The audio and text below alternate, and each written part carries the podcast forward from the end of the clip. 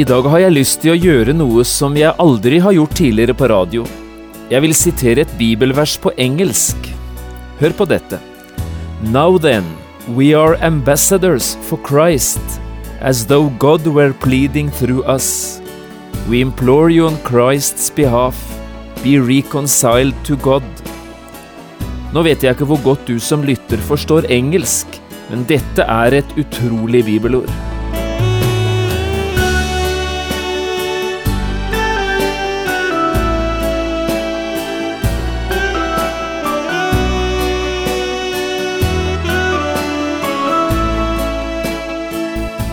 Hjertelig velkommen til et nytt program i serien Vindu mot livet. Programmet er produsert av Kristen Riksradio og blir ledet av Jon Hardang. Kristen Riksradio drives av frivillige gaver. Vi er glade for din støtte.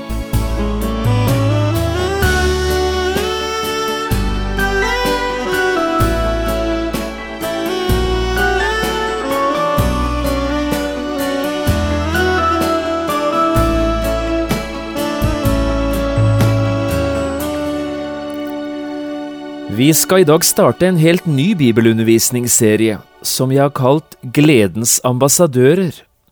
I tolv programmer skal vi nå finne fram apostelgjerningene i Bibelen, og der møte en del av de personene som Gud brukte i den første kristne tid til å spre evangeliet.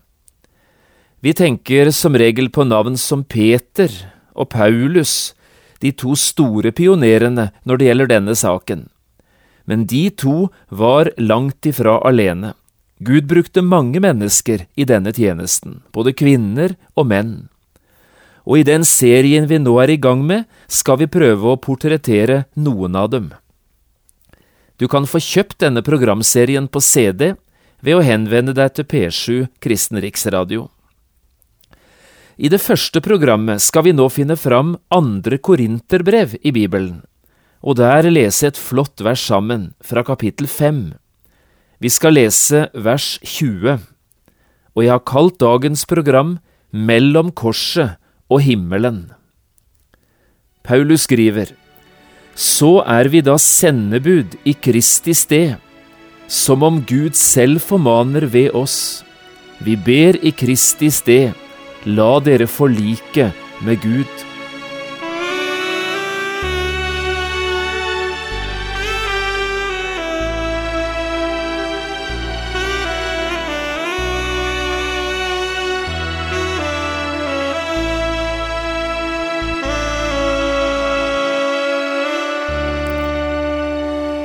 Uttrykket Den himmelske mannen er blitt godt kjent i Norge de siste årene. Broder Jun, eller Den himmelske mannen som han ofte kalles, regnes i dag som en av de mest betydelige åndelige lederne for de store husmenighetsbevegelsene i Kina. Altså en av fruktene av de store vekkelsene som nettopp Kina har fått oppleve, etter at misjonærene måtte forlate dette landet for flere tiår siden. Mange fryktet jo for de kristnes framtid i Kina når misjonærene måtte reise, men den saken tok Gud seg av, og i dag er antallet bekjennende kristne i Kina hundre ganger større enn det var da misjonærene måtte forlate landet. De store vekkelsene i Kina har de siste årene gitt millioner av mennesker et helt nytt liv, men vekkelsen har også hatt sin pris i form av lidelser og forfølgelser, trengsel og fengsel for Jesu navns skyld, ja, for en del også martyrie. Historien om broder Jun, den himmelske mannen, er et sterkt vitnesbyrd om hvordan de kristne, og ikke minst deres ledere, har måttet betale noe av prisen for den vekst som Guds menighet har fått oppleve i dette landet. Broder Jun ble frelst som 16-åring. Året etter begynte han å reise omkring og forkynne evangeliet. Og vekkelse fulgte i guttens fotspor helt fra begynnelsen. Nye menigheter ble grunnlagt, og ut fra disse menighetene spredte vekkelsen seg videre utover, til stadig nye områder. Broder Jun ble etter hvert satt i fengsel, og andre pastorer forteller at de aldri har sett noen kristen leder bli mishandlet så ille som nettopp broder Jun. I 1997 klarte han å flykte, han kom seg ut fra Kina, og er i dag de kristne husfellesskapenes viktigste talsmann i Vesten. Og fremdeles er han en av det kristne Kinas viktigste åndelige ledere ikke i kraft av noen stilling eller noe embete, men i kraft av den store åndelige autoritet som både hans liv og hans tjeneste har gitt han. For ikke lenge siden leste jeg en lederartikkel i Rapport fra Asia. Det er et magasin som Asia Link, en nordisk misjonsorganisasjon som arbeider i Kina, gir ut. Her skriver Jørgen Aas litt om broder Jun og hemmeligheten bak denne eventyrlige veksten som de kristne i Kina har fått oppleve de siste 20 årene. Mellom korset og himmelen lyder overskriften på denne lederartikkelen. Og nå skal du høre litt av det som Jørgen Aas skriver. Broder Jun, den himmelske mannen, levner ingen tvil om hva som virkelig teller i det kristne livet det er to store sannheter. Det første er at Jesus Kristus, Guds sønn, døde for våre synder. Med evangelistens nådegave pensler broder Jun dette ut, at Himmelsønnen kom til jorden og ikke sparte seg, men gikk den tornefulle veien og kunne rope det ut, det er fullbrakt. Broder Jun blir aldri ferdig med å takke Jesus og prise Gud for frelsen og verket på Golgata. Og dette preger ikke bare han, men millioner av kinesiske kristne. Jesu død for våre synder blir en kraftfull sannhet som gjennomtrenger alt, hver eneste dag. Den andre store sannheten er at vi en dag, ved Guds nåde, skal få komme til himmelen. Gud vil ta imot oss i sitt evige herlighetsrike, og vi skal få leve med Han for alltid. Dette håpet gir et enestående lys over livet og den kristne vandring. I gleden over frelsesverket og Jesu død på korset, og i håpet om et evig liv, lever så de forfulgte kristne sine overgitte, seirende og fruktbringende liv for Gud. Og dette gjelder ikke bare i Kina, men i mange steder i den tredje verden. Om de må lide for Kristi skyld, så er de villige til det. Jesus har jo gitt dem livet, og i himmelen venter han på dem. Ved å holde disse to sannheter høyt oppe, skapes det en kristentype som kan gå både gjennom ild og vann. Så langt broder Jun, den himmelske mannen, og det Jørgen Aas skriver i lederartikkelen i Rapport fra Asia. Når jeg nå innleder denne programserien med nettopp disse ordene, mellom korset og himmelen, så har dette sin bestemte årsak. Når vi møter disse historiene om dagens forfulgte kristne, for eksempel i historien om broder Jun, den himmelske mannen, så knytter dette forbindelseslinjen tilbake til noe av det som de første kristne fikk oppleve, både av vekkelse og vekst i Guds menighet, men også av lidelse og forfølgelse, som de første kristne måtte igjennom, akkurat som de opplever det i dag i Kina. Det eneste ufravikelige oppdraget Jesus ga sine venner, var dette, forkynn evangeliet. Og det eneste han med 100% sikkerhet lovet dem, det var forfølgelse. I verden har dere trengsel, sier Jesus, men vær frimodige, jeg har overvunnet verden. Og se, jeg er med dere alle dager, inn til verdens ende. Og slik opplevde de første kristne det, på samme måten som mange kristne gjør det i dag, i alle fall de som lever på områder der det virkelig koster noe å bekjenne Jesu navn. Slik tror jeg forresten alle må regne med å oppleve kristenlivet, om de vil være tro mot Jesus, også de som i dag lever på områder der det ikke koster så mye å være tydelig som kristne. Dette kan nemlig meget fort forandre seg. De menneskene du skal få møte i denne programserien, har mye til felles med broder Jun og alle de andre som i dag forkynner evangeliet med fare for sitt eget liv. Vi skal etter hvert åpne apostlenes gjerninger i Bibelen, og der skal vi møte både kvinner og menn som valgte å leve sitt liv her, mellom korset og himmelen. Det var her de vant sine største seire, og det var her de måtte betale de store omkostningene.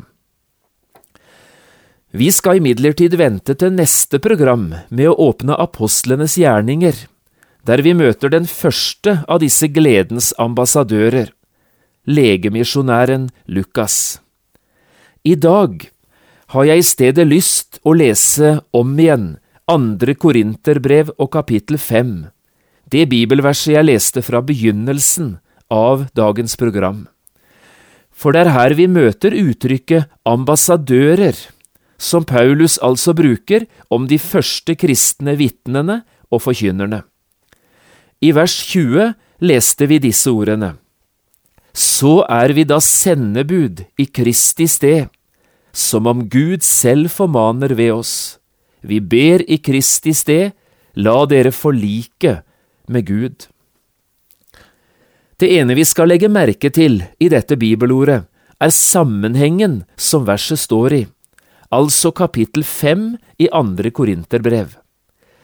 I dette kapitlet skriver Paulus i hovedsak om to ting som de kristne må forholde seg til. For det første, i vers 1–10. Der skriver Paulus om håpet. Her på jorden, sier han, bor vi i telt, i et skrøpelig og forgjengelig legeme. Men en dag skal vi få flytte inn i et nytt hus, i en ny, permanent bolig, vi skal få en ny og fullkommen kropp. Her på jorden må vi leve som fremmede og utlendinger, men en dag skal vi få flytte hjem og være hjemme hos Herren. Og så det andre, i vers 11 21. Her skriver Paulus om det store frelsesverket som Gud har gjort ferdig for oss i Jesus om Kristi ubegripelige kjærlighet, om Han som ikke visste av synd, men som ble gjort til synd for oss, og så om Gud som forlikte verden med seg selv, da han i Jesus tok det endelige oppgjøret både med syndens skyld og syndens makt. På grunn av alt dette taler han så om en ny skapning og et nytt liv i Kristus. Det er de to hovedsakene i andre Korinterbrev fem, håpet og forsoningsverket. Men du hører hva dette handler om, gjør du ikke? Det er jo akkurat det samme som det jeg har snakket om tidligere i dette programmet. Å være en kristen er å befinne seg mellom korset og himmelen, altså håpet og forsoningen. Her levde de første kristne som gledens ambassadører, og her må du og jeg leve, om vi i dag skal få være de samme gledens ambassadører som det de var. Også vi må leve vårt liv mellom korset og himmelen. Det andre vi legger merke til i vers 20, det er dette. Hva skal vi nå bruke tiden til mens vi lever her mellom korset og himmelen? Jo, det svares det på i vers 20 med all mulig tydelighet. Vi er kalt til å være sendebud i Kristi sted. Gud vil formidle de gode nyhetene om Jesus videre til nye mennesker gjennom oss. Så mulig alle mennesker skulle få høre dette ordet, la dere forlike med Gud. Å være på reise gjennom verden er med andre ord å være på tjenestereise. Og det er i denne sammenhengen uttrykket ambassadør dukker opp. Nå skal du få høre hvordan dette verset er gjengitt i den engelske King James-oversettelsen. Her står det nemlig slik Now then, we are ambassadors for Christ, as though God were pleading through us. We implore you on Christ's behalf, be reconciled to God. Nå vet jeg ikke hvor godt du som lytter nå forstår engelsk, men hvis du fulgte godt med i det jeg leste, så hørte du uttrykket Ambassadors for Christ. Det betyr Kristi ambassadører.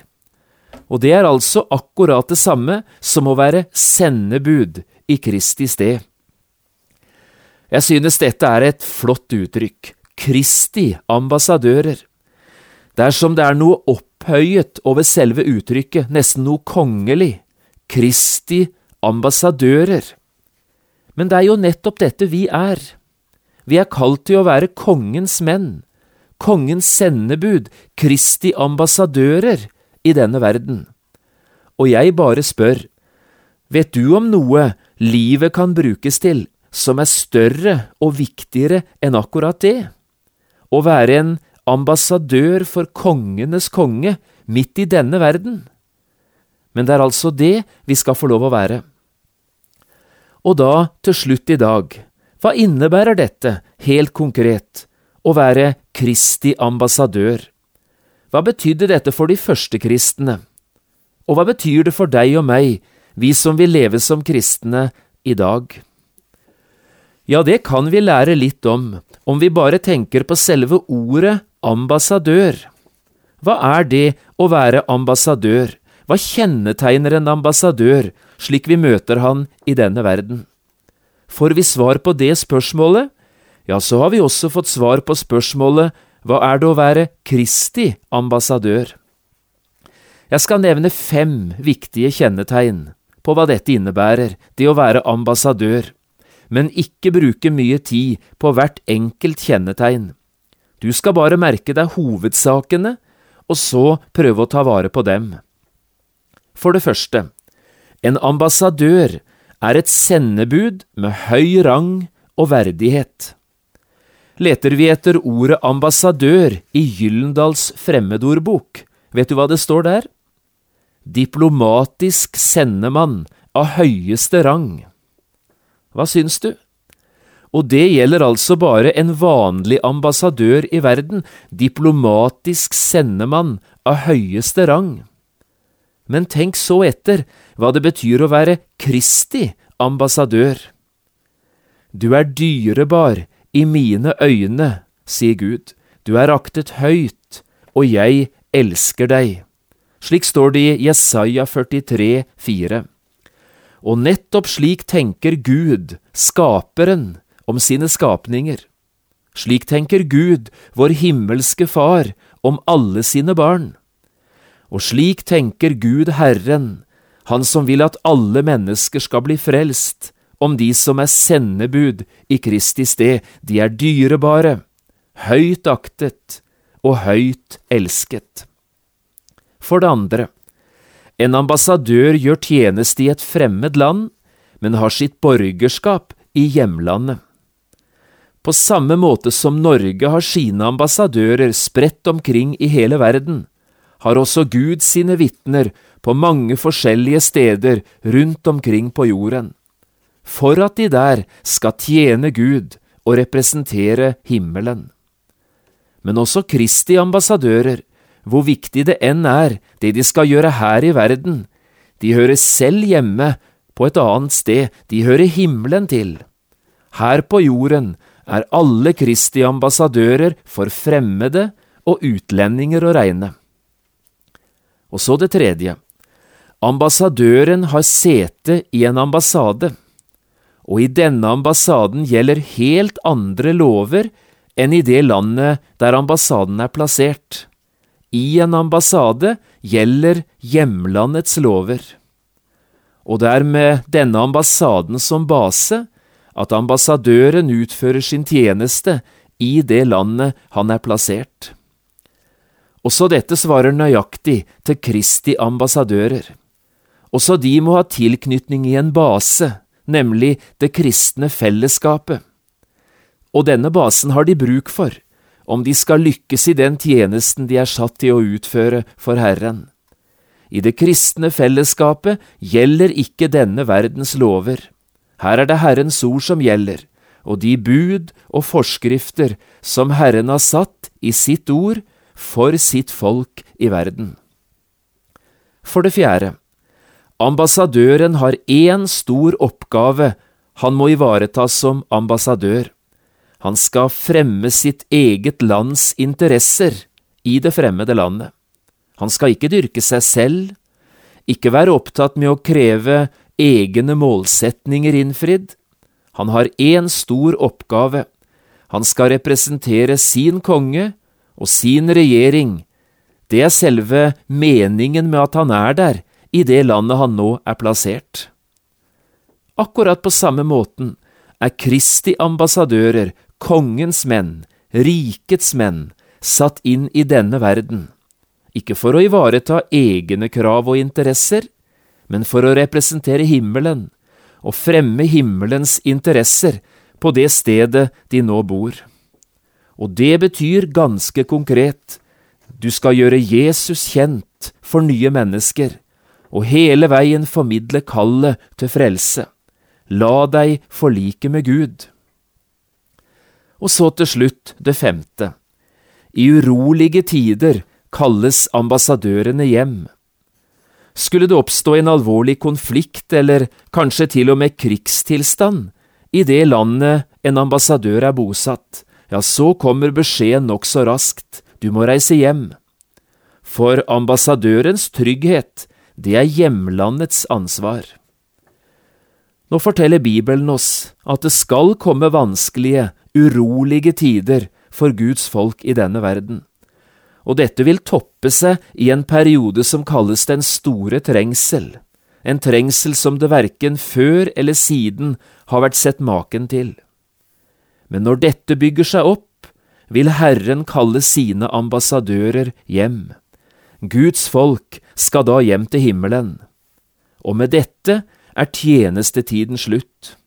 Flere muligheter til å forkynne evangeliet får Kristi ambassadører da ikke.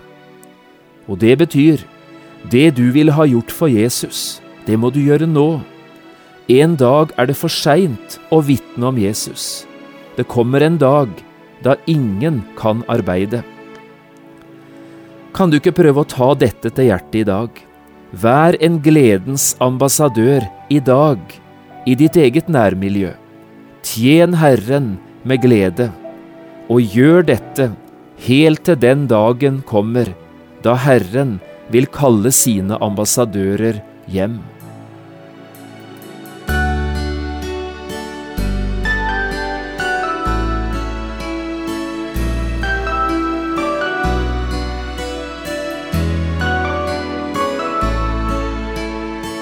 Du har lyttet til et program i serien Vindu mot livet med John Hardang. Programmene i denne serien kan også kjøpes på CD fra Kristen Riksradio, eller høres på internett på p7.no. Har du spørsmål eller kommentarer til det du nå har hørt, kan du ta kontakt med oss. Adressen er Kristen Riksradio, Skiene 2, 5353 Straume, eller send en e-post vml alfakrøll p7.no. Takk for i dag, og på gjenhør.